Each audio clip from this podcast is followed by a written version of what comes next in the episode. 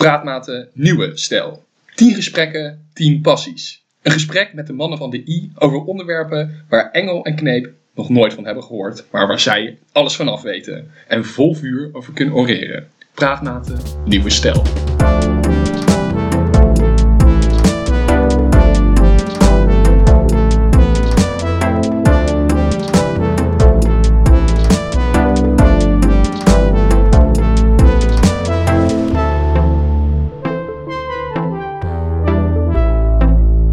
Praatmaten Nieuwe Stijl. Welkom bij de vijfde passie en het vijfde gesprek. Wim's weldoenerij.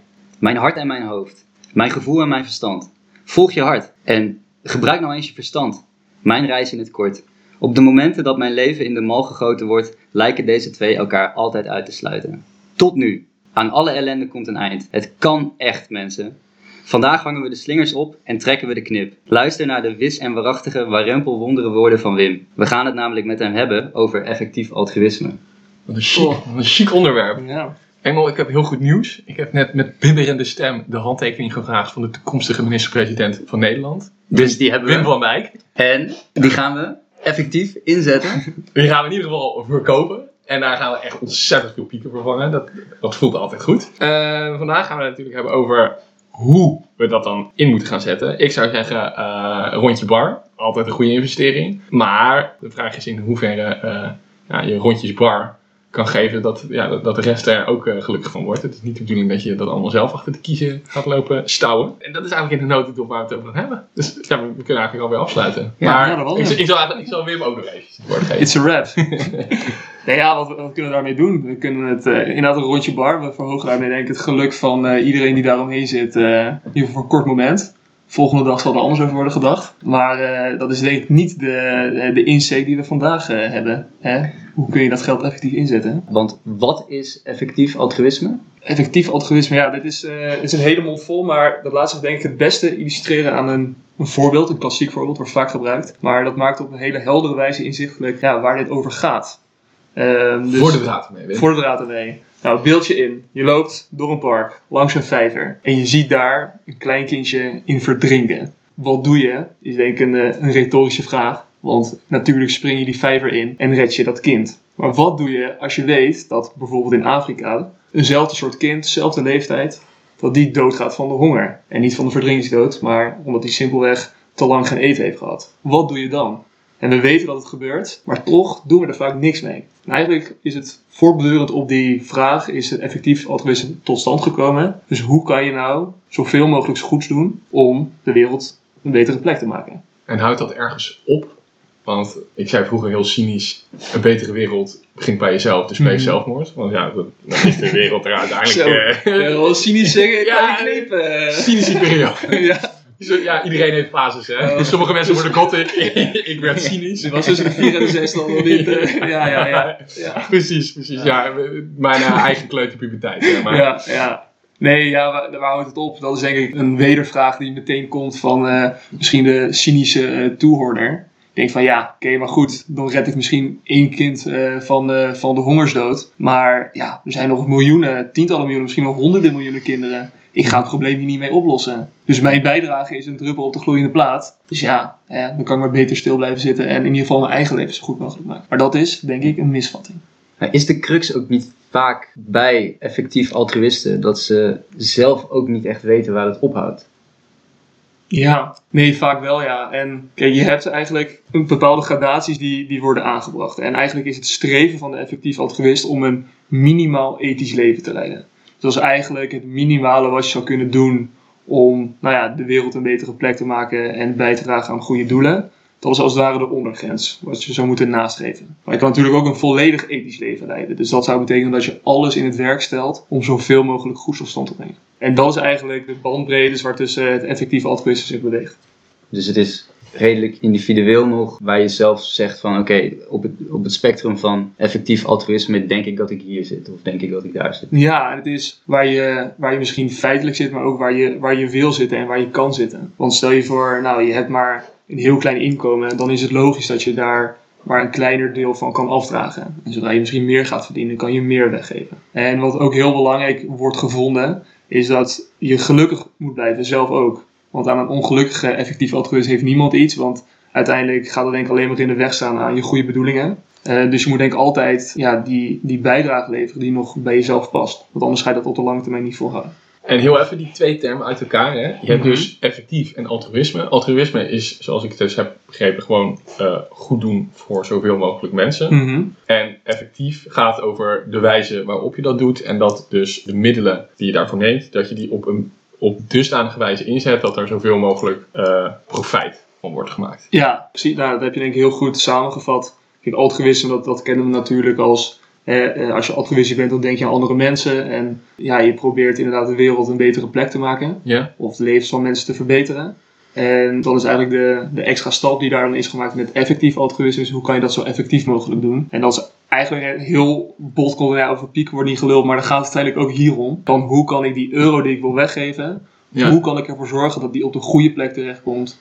Bij de goede mensen en bij het goede doel. En wat vind jij dan van go- goede doelen, die dus eigenlijk net iets minder goed zijn dan, de, dan de beste doelen? En die dus heel effectief, Maar is, is het dan een kwestie van minder goed zijn of Ja, minder effectief zijn? dat weet ja, minder effectief. Ja. Daar heb ik het nu ook, eh, over. Maar concreet voorbeeld. Er lopen eh, rond de centra centrale stations in Nederland heb je altijd hele zwermen met mensen die dan graag jou willen een nieuw inschrijven. doel eh, Ja. Ja, nou ja, eigenlijk gewoon door de strot willen douwen. Zo komt het in ieder geval op mij eh, de, vaak Tom, de over. Tom Langhorsten van deze samenleving. Zo, we worden even wel naam en toename. Hij is op vakantie, dus Ja, hij, ja, hij, ja. hij hoort het Hij pas over twee weken. Ja, moeten we daar wat van vinden? Of, of is dat een, toch in ieder geval niet effectief? Zo komt dat. Dat is voor mij een van de redenen om te zeggen van ja, sorry gast. Ik vind het leuk dat je hier een beetje rond eh, aan het snuffelen bent. Mhm. Maar ik snap dat jij een boterham met kaas wil hebben. Maar dat kan ik veel, als ik de- jouw geld onttrek van jou en dat direct aan het goede doel geef. Mhm. Dat komt op mij alweer effectiever over. Ja, ik, natuurlijk, ik denk dat je altijd naar moet streven om hè, zo'n effectief mogelijk doel te zoeken. Ja. Maar het moet ook niet in de weg staan aan überhaupt een bijdrage leveren.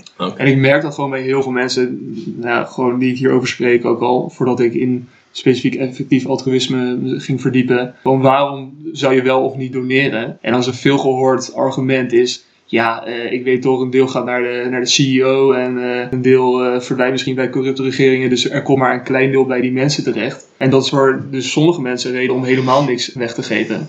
Maar er komt nog steeds een deel wel op de goede plaats terecht.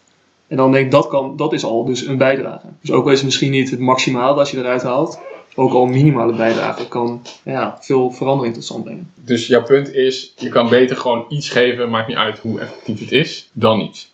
Dat sowieso. Oké. Maar als je iets geeft, Ja. dan zal ik proberen dat zo effectief mogelijk te doen. En hoe doe je dat? Want, nou ja, ik ken de postcode loterij bijvoorbeeld. Ja. Heb ik eh, nogal mixed feelings bij. Mhm. Dat is toch ook, is dat van die ene gozer met die ka dat kale hoofd? Is Gaston. Gaston, Gaston? ja.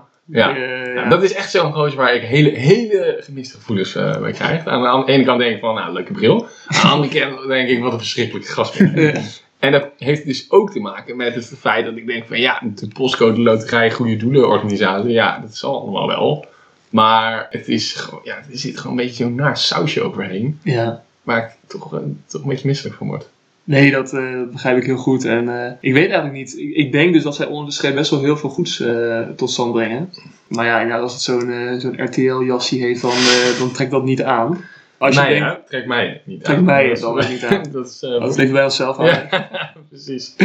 Maar je hebt, even terug op je vraag, hè, hoe kan je nou, nou ja, zorgen dus dat je effectief kan doneren? Ja. Daar heb je gelukkig eh, mensen voor die dat voor ons hebben uitgezocht. Dus we hoeven niet zelf eh diepgaand onderzoek te doen of we hoeven niet zelf met eh, onze bronnen aan te komen. Fabio die zou natuurlijk wel eh, zijn bronnetjes... eh, Die wil gewoon uit, uit eerste hand... eh, Ja, Fabio en bronnen, dat is... eh, Is dat een ding? Dat is wel een dingetje, ja. Dat is al een tijdje een dingetje Dat geweest. is al een tijdje een dingetje geweest, ja. Oh, en- maar wat was het dingetje dan? Nou, Nou, dan kwamen er uitspraken en dan, eh, dan vroegen wij eh, bron- bronnen.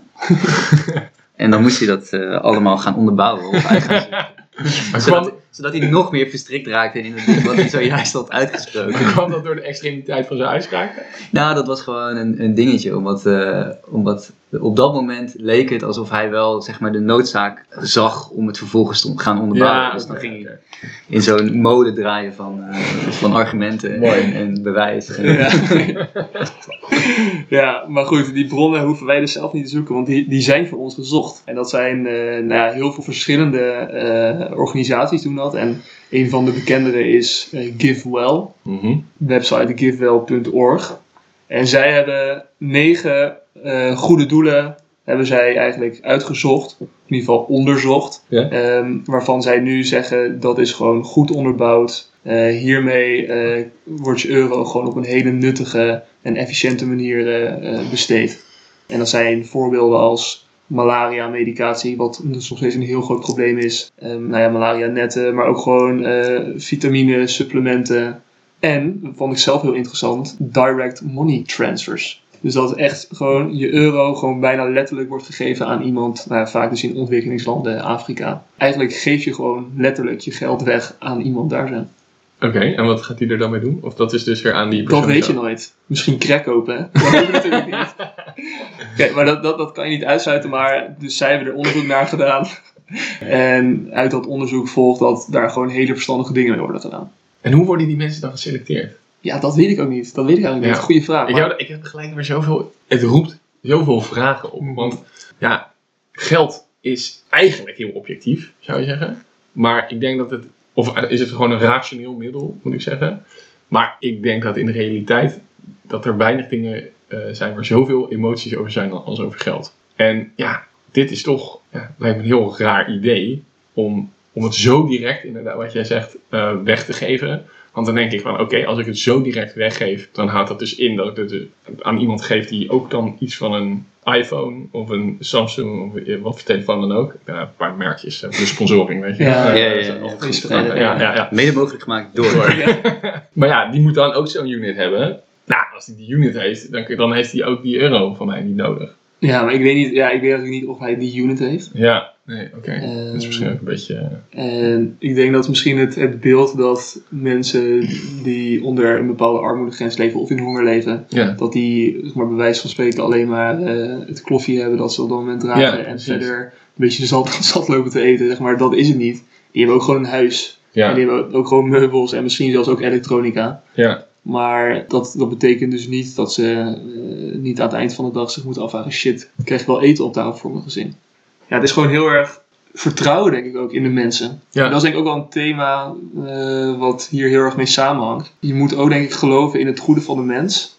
En ja, dat is denk ik, dat is ook heel lastig, want ja, je geeft het eigenlijk blind weg en je weet niet wat ermee gebeurt. Maar soms moet je er maar van uitgaan dat er iets goeds mee gebeurt. Ja, ik denk dat dat is, eh, dat is het verschil met heel vaak de grotere organisaties. Omdat op het moment dat je daaraan geeft, dan weet je, oh, er zit een grote organisatie achter, eventueel een keurmerk of eh, mensen die, dat, eh, die, die zeg maar toezicht houden daarop. Eventueel zitten er nog weer tussenpartijen tussen voordat het naar eh, een ontwikkelingsland gaat of mensen die het nodig hebben. En bij GiveWell en ook andere organisaties die vergelijkbare dingen doen, lijkt het eigenlijk alsof, het, alsof al die tussenpartijen gewoon een beetje ertussen uitgesneden zijn. Het is vaak, of zoals jij al zei, direct eh, naar, de, naar de mensen daar. Of naar een hele kleine en, nou, ik, ik wil niet zeggen simpele, maar gewoon uitgeklede organisatie die zegt van, hè, wij leveren die netten, Mhm. dat is wat wij doen. Mhm. En er zit geen poespas omheen. Ja. Eh, Het is een directere keten, denk ik. ja. En ook daarmee een inzichtelijke keten. Wat dus voor veel mensen het bezwaar is van je ziet niet wat er met je geld gebeurt.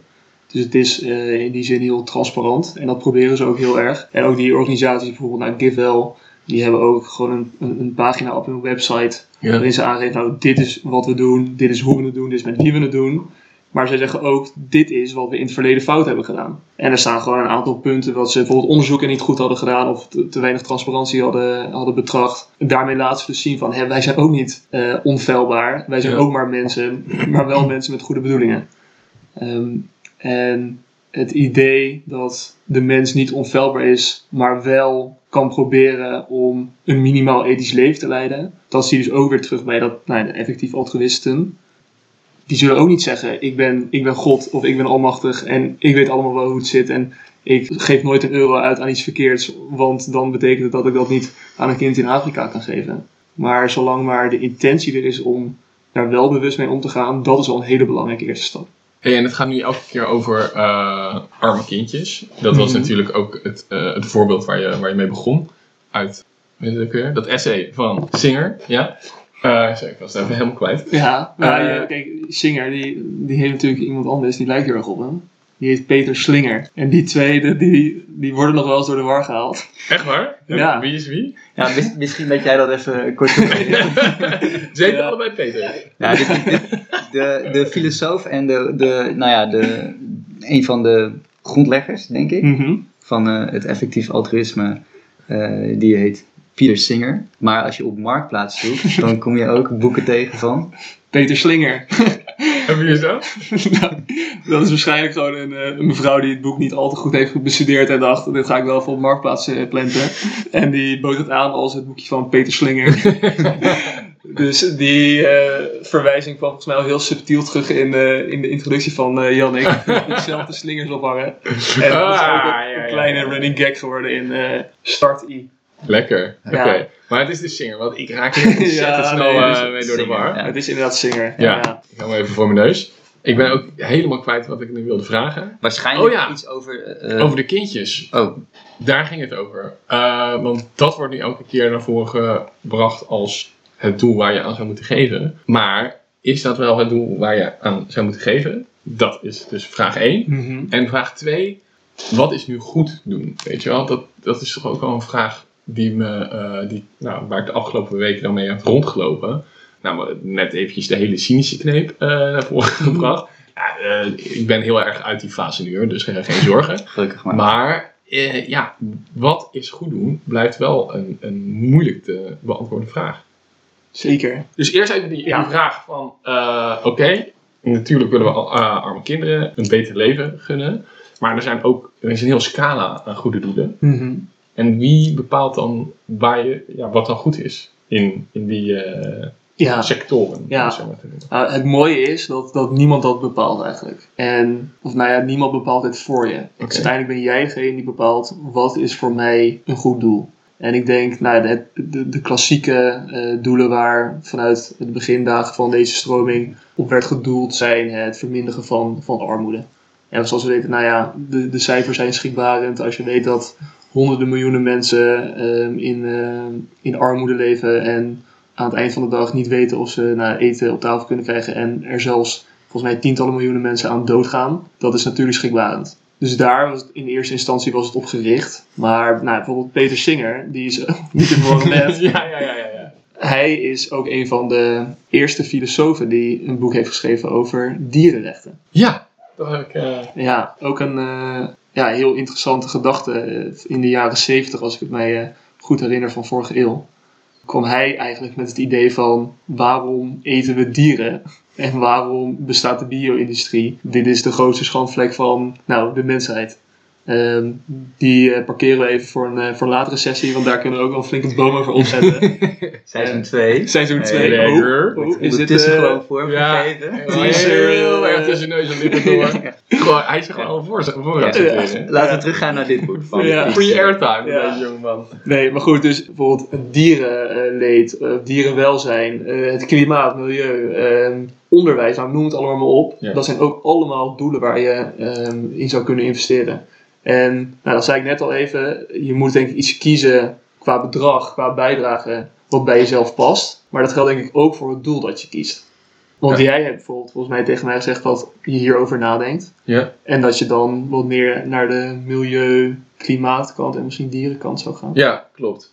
Want dat is toch iets wat, eigenlijk wat jij eh, heel, eh, heel goed benoemt, wat dichter bij me ligt. En waardoor ik het nou, ja, op een meer natuurlijke wijze zou doen. En Ja. dat, dat ik ook denk dat het duurzamer is. En dus niet in de zin van eh, duurzame zonnepanelen, maar dat, dat, dat ik dat langer blijf doen. En Ja. dus effectiever ermee aan de slag kan. Ja. Oké, nou goed om te weten dat, het dus, dat er wel meerdere mogelijkheden zijn. Mhm. En dan ja, die, die volgende vraag van wat is nou goed? En je bracht al even ter sprake dat milieu dus ook een, een, een thema in die hoek is.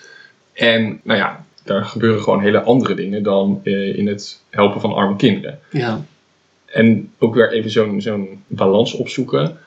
In een land zijn er 100 arme kinderen. Eh, die kan je helpen door dus die ma- malaria-netten eh, te faciliteren. Mhm. Maar dan komen er nog veel meer arme, wel relatief arme kinderen bij. Waardoor dus het stuk klimaat, in ieder geval voor dat stuk land, nog sneller kapot gaat. ja. En dat, dat bedoelde ik dus met mijn vraag. Van wat is nu goed? Ik vind dat heel lastig inschatten. En ook lastig naar te handelen. Want ja, ik weet het in ieder geval niet. Nou, je kijkt me aan in Ja. de hoop dat dat, antwoord nu wel van mij gaat komen. Ja, inderdaad. Ja, ik heb jouw handtekening hier. Ja, Dus, ja, eh, ja. Nee, ja, nee, uiteindelijk heb, heb ik daar ook niet een, een, eh, een allesomvattend antwoord op. Eh, wat is goed?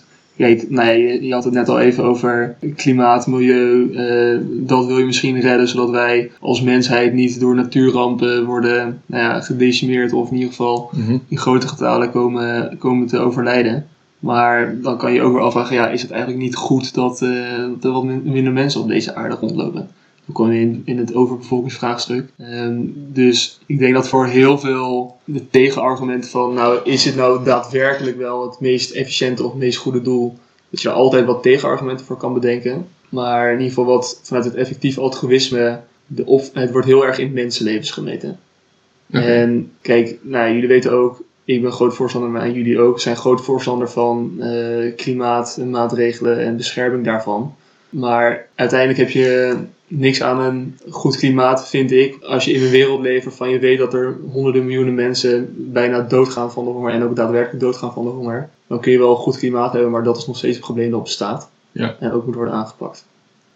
Oké, dus jij, jij prioriteert. Ja, maar dat is dus, hè, dat is voor mij is dat heel belangrijk. Ja, ik vind het niet te verantwoorden of te verdedigen dat nou ja, wij hier in het Westen zo makkelijk leven hebben en eigenlijk nergens over hoeven na te denken en ja, alleen maar luxe problemen hebben. Terwijl, eh, nou ja, nu wordt het natuurlijk een heel principieel, maar dat is uiteindelijk ook een van de redenen waarom dit mij zo aangrijpt.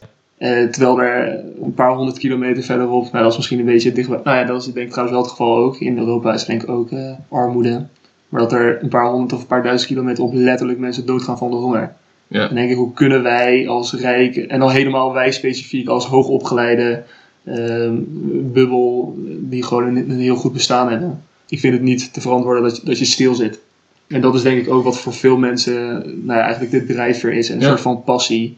Dus hoe kan ik in mijn, mijn leven eigenlijk zo, nee, zoveel mogelijk teruggeven? Want wij hebben gewoon enorm veel geluk gehad met, met alleen de plek waarop we zijn geboren. Het gezin waarin we zijn geboren. En dat is puur geluk geweest.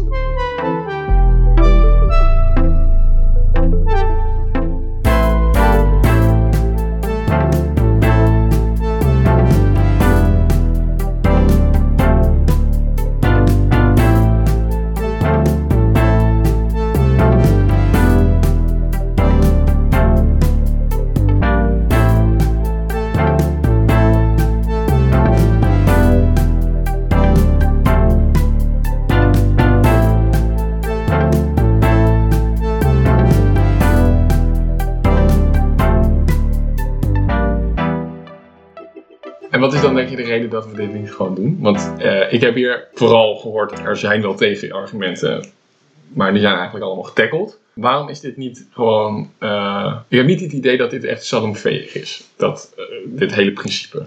Ik denk dat er meer mensen zijn die inderdaad op zoek gaan naar tegenargumenten. Mhm. En er dus voor kiezen om, om daar niet mee aan de slag te gaan. Hoe komt dat? Nou ja, ik denk dat, wat ik hoop in ieder geval, dat veel mensen het in de kern het ermee eens zijn. En dat denk ik ook wel. Maar dan is de vraag, wat is dan je eigen bijdrage erin? En daar houdt het denk ik voor mensen op. En dat komt misschien ook voort uit de angst dat het dus ten koste gaat van jezelf. Nou, want feitelijk is dat natuurlijk ook Ja, zo. nee, dat, dat wou ik net zeggen, dat is ook zo. Ja, dat is ook zo. Nou ja, ja, maar het is maar net hoe je het benadert. Ik vind niet dat het ten koste gaat van mezelf als ik een paar honderd euro eh, doneer. Maar ik denk dat sommige mensen dat wel ervaren van... Oké, ik moet inleveren. Terwijl bijvoorbeeld een politiek of heel veel nog rijkere mensen in de wereld... daar ook eh, iets in eh, zouden moeten doen. En dat gebeurt niet. Dus dan krijg je dat, dat effect van... Als de ander stil zit, dan zit ik ook stil.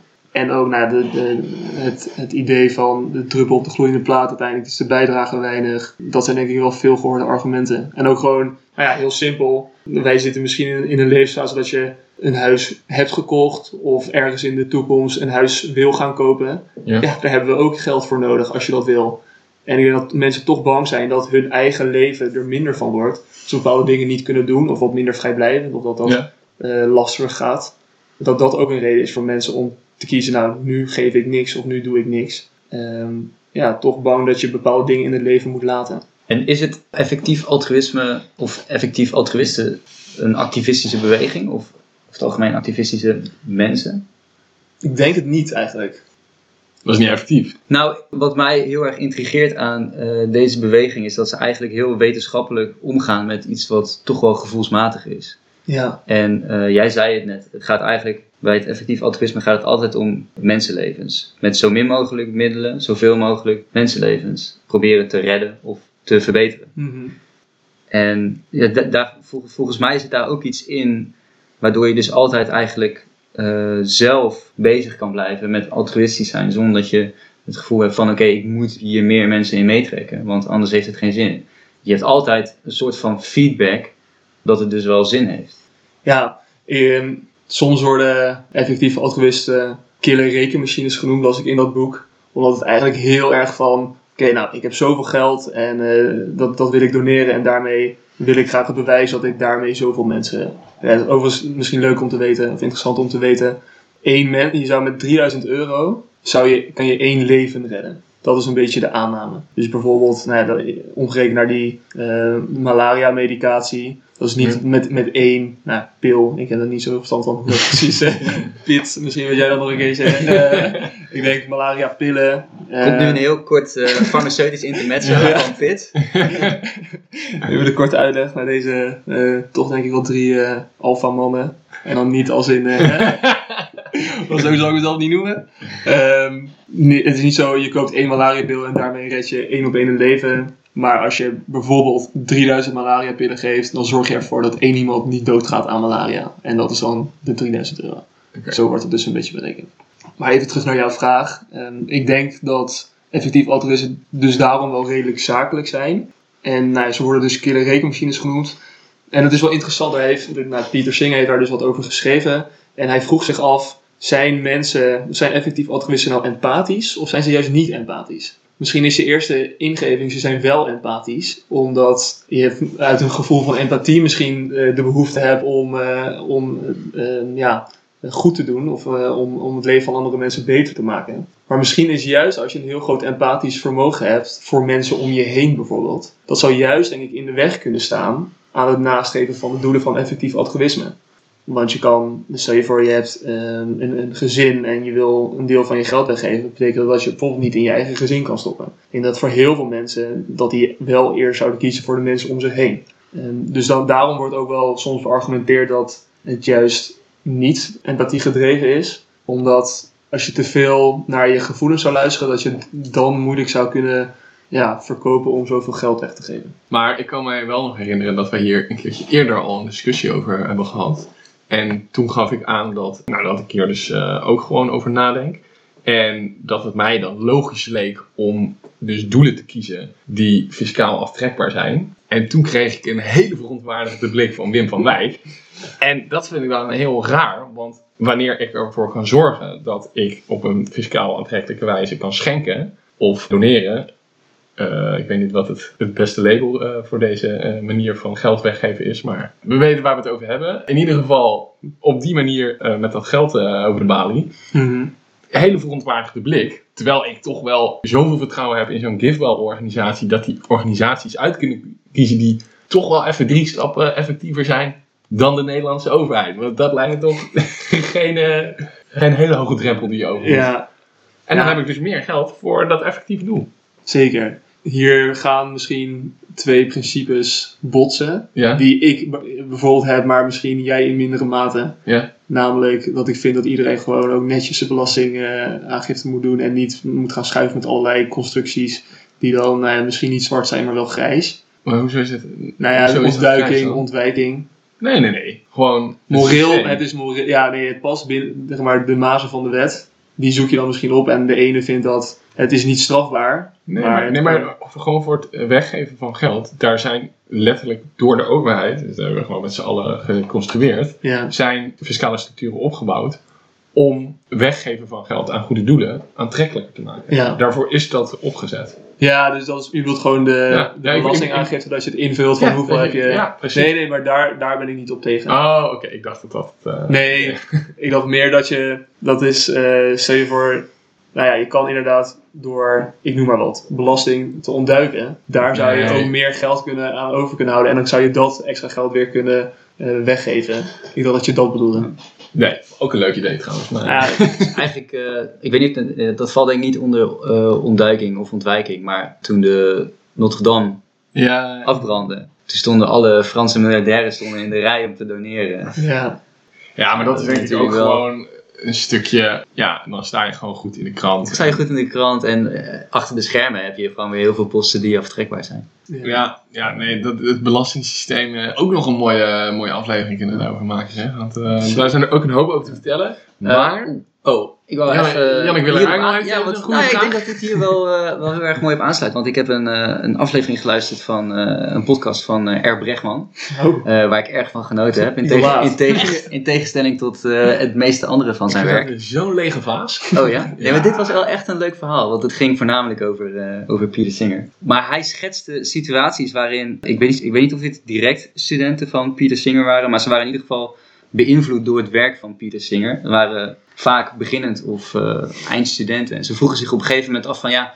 Stel je voor, ik, ik heb heel sterk het gevoel dat ik dit wil. Maar wat voor werk moet ik dan gaan doen om eh, dit te kunnen doen?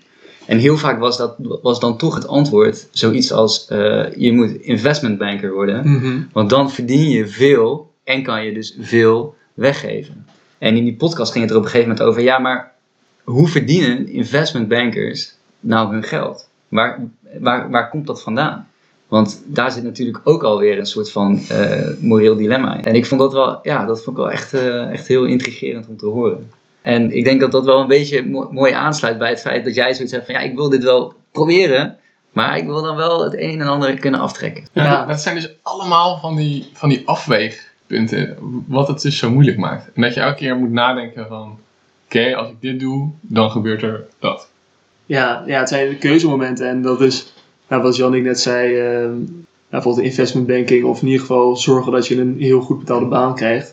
Dat zou een manier zijn om uiteindelijk ook zoveel mogelijk te kunnen weggeven. Eh, maar zoals je al terecht eh, signaleert, eh, ben je dan wel een, een schakel in het kapitalistische systeem, wat misschien wel een oorzaak is van heel veel van de problemen die effectief altruïsme juist proberen te bestrijden.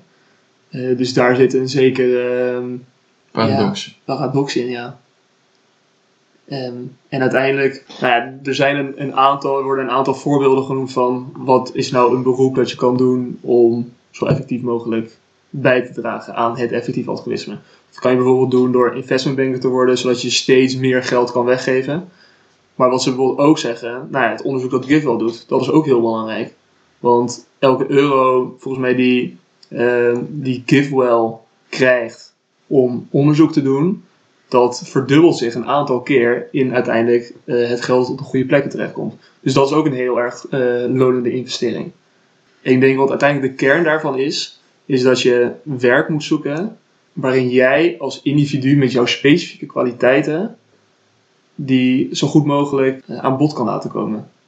Dus stel je voor, jij bent echt een genie dus in investmentbanking. Of je bent een, een hele slimme advocaat en je wilt partner worden en daar heel veel geld mee verdienen.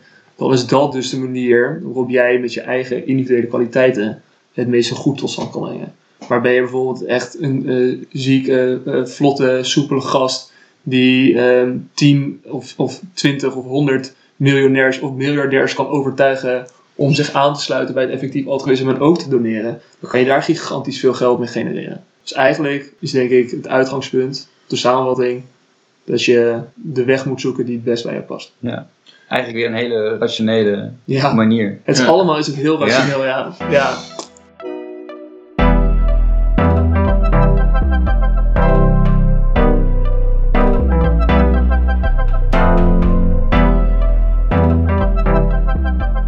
Oké, maar eh, veel luchtfietserijen, eh, vooralsnog eventjes, eh waar hebben we het nou precies over, Wim? Want eh, is dit echt iets wat jij doet of graag wil gaan doen? Of ben jij een van die super, boykies die dat dus eh, aan deze twee miljardairs zitten verkopen en moeten wij dat dan maar doen en heb jij je werk ook goed gedaan?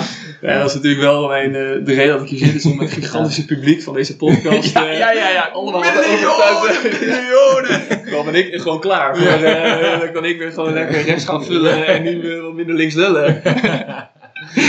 nee, nee, concreet. Ja, dit, ik denk dat ik sinds, nou ja, pak een beet een half jaar, dat ik ook, nou ja, dat is ongeveer ook het moment dat ik dit ontdekte. En dat is ook dus het moment dat ik, eh, dat ik hier onderdeel van ben geworden. En wat ik heb besloten is dat ik een vast percentage van mijn inkomen dat wil gaan doneren. Ja, dat eigenlijk.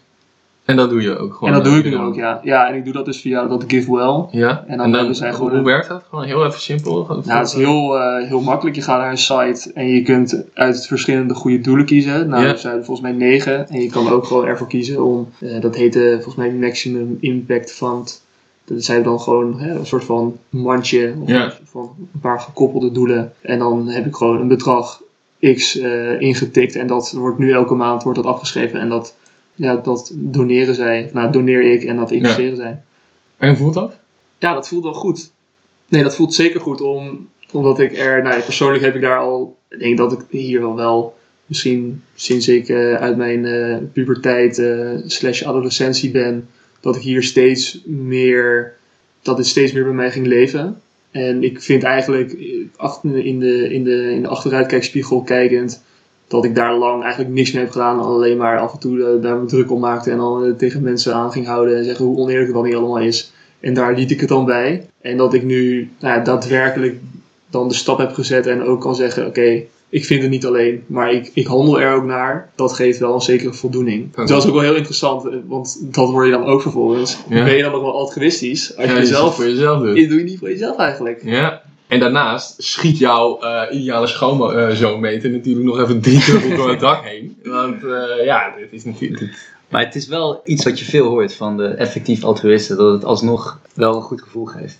Nee, zeker. En dat is denk ik ook weer, dat kan ook weer een soort van versterkend effect hebben. Want zodra je merkt van, wow, ik krijg hier een goed gevoel bij, en dan raak je denk ik nog gepassioneerder om dat misschien ja, Ja, verder te ontwikkelen. Want nou ja, je, je hebt bijvoorbeeld een, eh, een, een, een website volgens mij of een idee, dat heet The Pledge.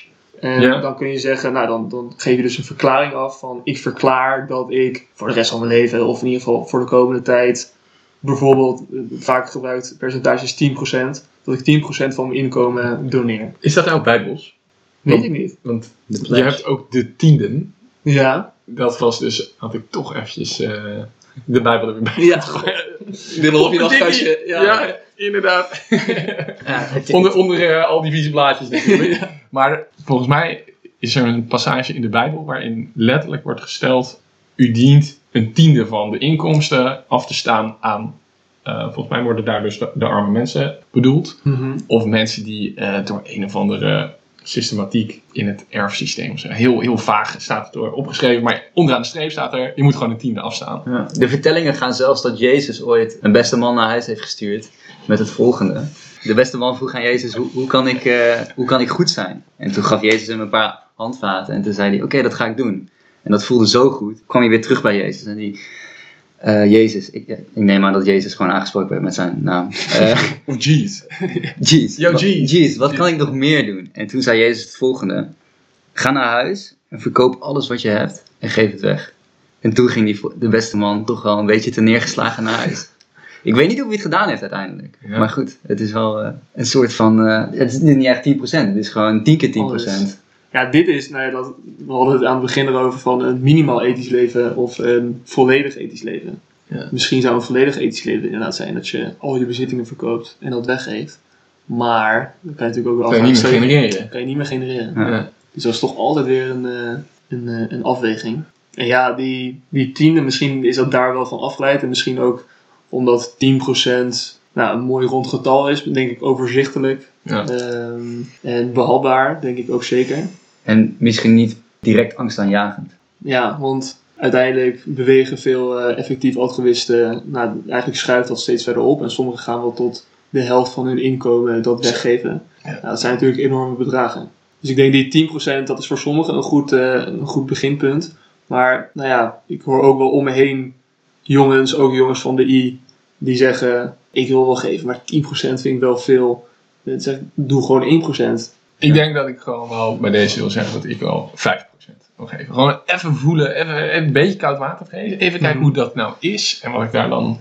Want ik wil dus wel graag dat het duurzaam is. Ja. Ik wil niet van 10 teruggaan naar 5 en dan naar 2. En ik vind ook 10, het klinkt gewoon veel. En ja, ik hoor je toch ook wel veel voorbij komen. Je moet doen waar je jezelf goed bij voelt. Ja. Ik ga bij die 5%. Als start. Want dat is ook echt ehm, wat Pieter Singer beschrijft. Je bepaalt gewoon zelf de mate van... Ja, en dat, is ook niet, dat hoeft ook niet in beton groot te zijn. Stel je voor, je zit nu op het punt in je leven dat je wel 10% van je inkomen kan missen.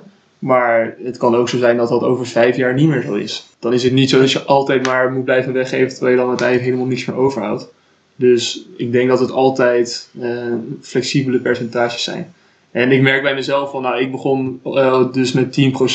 En toen, nou ja, toen sprak ik er met een, eh, met een studiegenootje over. Amies eh, bij, eh, bij De Brouw. En eh, nou, we hadden het erover. En wat schetste mij verbazing. Hij vertelde dus uit zichzelf over het effectief altruïsme en de pledge.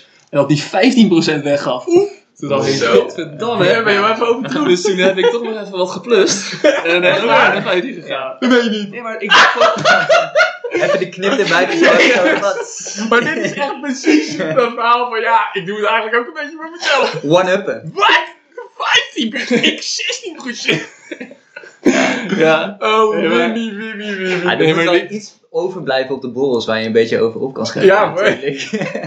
Ja, nee, maar het was niet eens zozeer een wedstrijd verpassen. Oké, misschien Maar ook een beetje wel. Weet je, ik zal niet ontkennen dat het misschien... Maar wat het, wat het vooral was, ik dacht van, oké, ik heb 10% en hij 15. Kan ik zelf geen 15? Of waarom doe ik geen 15? Je werd, je ik- weer ik extra heb- kritisch naar jezelf. Ja, en toen dacht ik, ik heb eigenlijk niet een reden om niet 15 te geven. En nu kun je misschien flauw zijn en aan de vraag aan me stellen, waarom geef je nu dan niet al 20? Of waarom geef je niet al 25? Nee, de, Ik vraag, zal- de vraag stellen is een beantwoorden, denk ik. Ja, en dat voelt nu nog niet helemaal goed. Oké. En die 15 voelde wel goed. Wat vind jij van het label altruïsme? Want ik hoorde je net zeggen, het geeft me een goed gevoel. Is het dan nog wel altruïstisch? En wat ik zelf denk, waarom het voor veel mensen angstaanjagend kan zijn, is omdat altruïsme vaak een, een zwart-wit eh, discussie is of een zwart-wit beeld tot gevolg heeft. Van o- of je bent altruïstisch of je bent het niet. En het is of all the way of helemaal niet. Ja, ik hou niet zo heel erg van labels. In ieder geval niet van dit label. En ik vind het ook, nou ja, ik zou mezelf ook niet een effectief altruïst noemen, maar gewoon nou, iemand die belangrijk vindt om zijn steentje bij te dragen of iets van zijn rijkdom met andere mensen te delen. Dus ik denk ook niet dat je te veel daarop moet focussen eigenlijk. Want dat kan, dat, dat kan misschien uiteindelijk juist alleen maar in de weg staan aan de, de ambities die je, die je hebt als je in deze eh, ideeën gelooft. Dus zoals jij zegt, het kan nou, het label altruïsme of het label altruïst. Ja, uiteindelijk betekent dat niet dat je wel of niet minder gaat, wel of niet meer gaat betalen. Ik denk dat dat niet essentieel is daarvoor. Dus dat het misschien alleen maar een, eh, een blokkade kan zijn of een barrière. Maar het is gewoon makkelijk. Af en toe moet je gewoon ook dingen eventjes eh, kunnen benoemen. Ja, Ja, ik, vind het, wel- ik vind het vooral heel slecht klinken. Ik ben nou, daarom dus ook echt voorstander om het dus Wim's weldoenerij Ja. te gaan noemen. Ik kan Peter wel even een eh, appje sturen. Ja. Eh hey, moet je luisteren, Slinger. Ja. Allemaal leuk met je moeilijke termpjes. Maar als we het nou gewoon weldoenerij noemen. ja. Weldoenerij. Ik kaap dit gewoon en ik giet het in een betere, Ja, eh, in een betere vorm. Ga ik miljoenen boeken verkopen. Ja. Rots. Oh, eh, gewoon, dit is gewoon weer gratis geld voor de weldoenerij. Ja. Zullen we ook afspreken dat de, de royalties en eh, de opbrengsten die Van deze podcast deze- genereert... Oh, dat nou, ja, van deze aflevering. dan. van deze aflevering... Ja. Oké. Pas op. Ja, pas op. dat we die allemaal eh, doneren. Ja, Ja. je hebt mijn eh, wereld eh, verlicht weer, Wim. Het is eh, toch af en toe moeilijk om te zien eh, waar je nou echt dat stukje extra kan geven. Al heel lang ben ik op zoek naar goede manieren om iets terug te doen. Terugdoen komt er altijd op neer dat je, dat je dus zelf ook een stukje terug gaat. En ik wil altijd verder. Dat is gewoon toch de aard van het beestje. En ik denk dat deze manier van teruggeven niet in de weg staat van dat verder komen. En dat maakt het voor mij zo aantrekkelijk. En dat is ook waarom ik hier eh, gehoor aan ga geven aan dit verhaal. Dus ik wil je heel erg bedanken voor eh, ja, hoe jij dit hier hebt neergezet. En dan is jouw missie, denk ik, in ieder geval geslaagd. Ja, zeker weten. Nee, dat is eh, mooi dat dat inderdaad nu eh, zwart op wit, eh, op in ieder geval in audio bits eh, vastgelegd is. Het wereldwijde web in gaat vliegen. Ja, Hoppatee. Ja, ingeslingerd. zeker. Dus eh, misschien voor de luisteraars nog één keer even de site die we al een x-aantal keer genoemd hebben. De site is givewell.org. En daar kan je Helemaal gek gaan. helemaal gek gaan.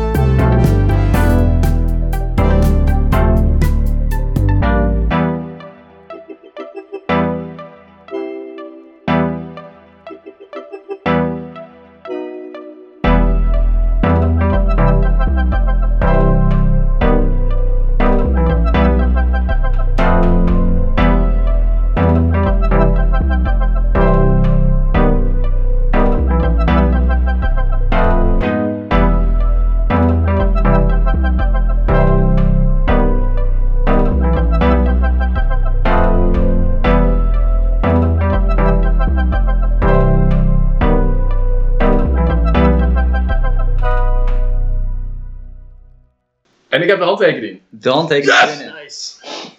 Er staat niet eens Wim op. Abel. Ik weet niet wie dat is. Nee, ik zie hier een W. Een hele duidelijke W. Dat is A. Gast, dan moet je, dan moet je echt een nieuwe handtekening maken. Wat is dit nou weer voor onzin? Ik zal even over nadenken.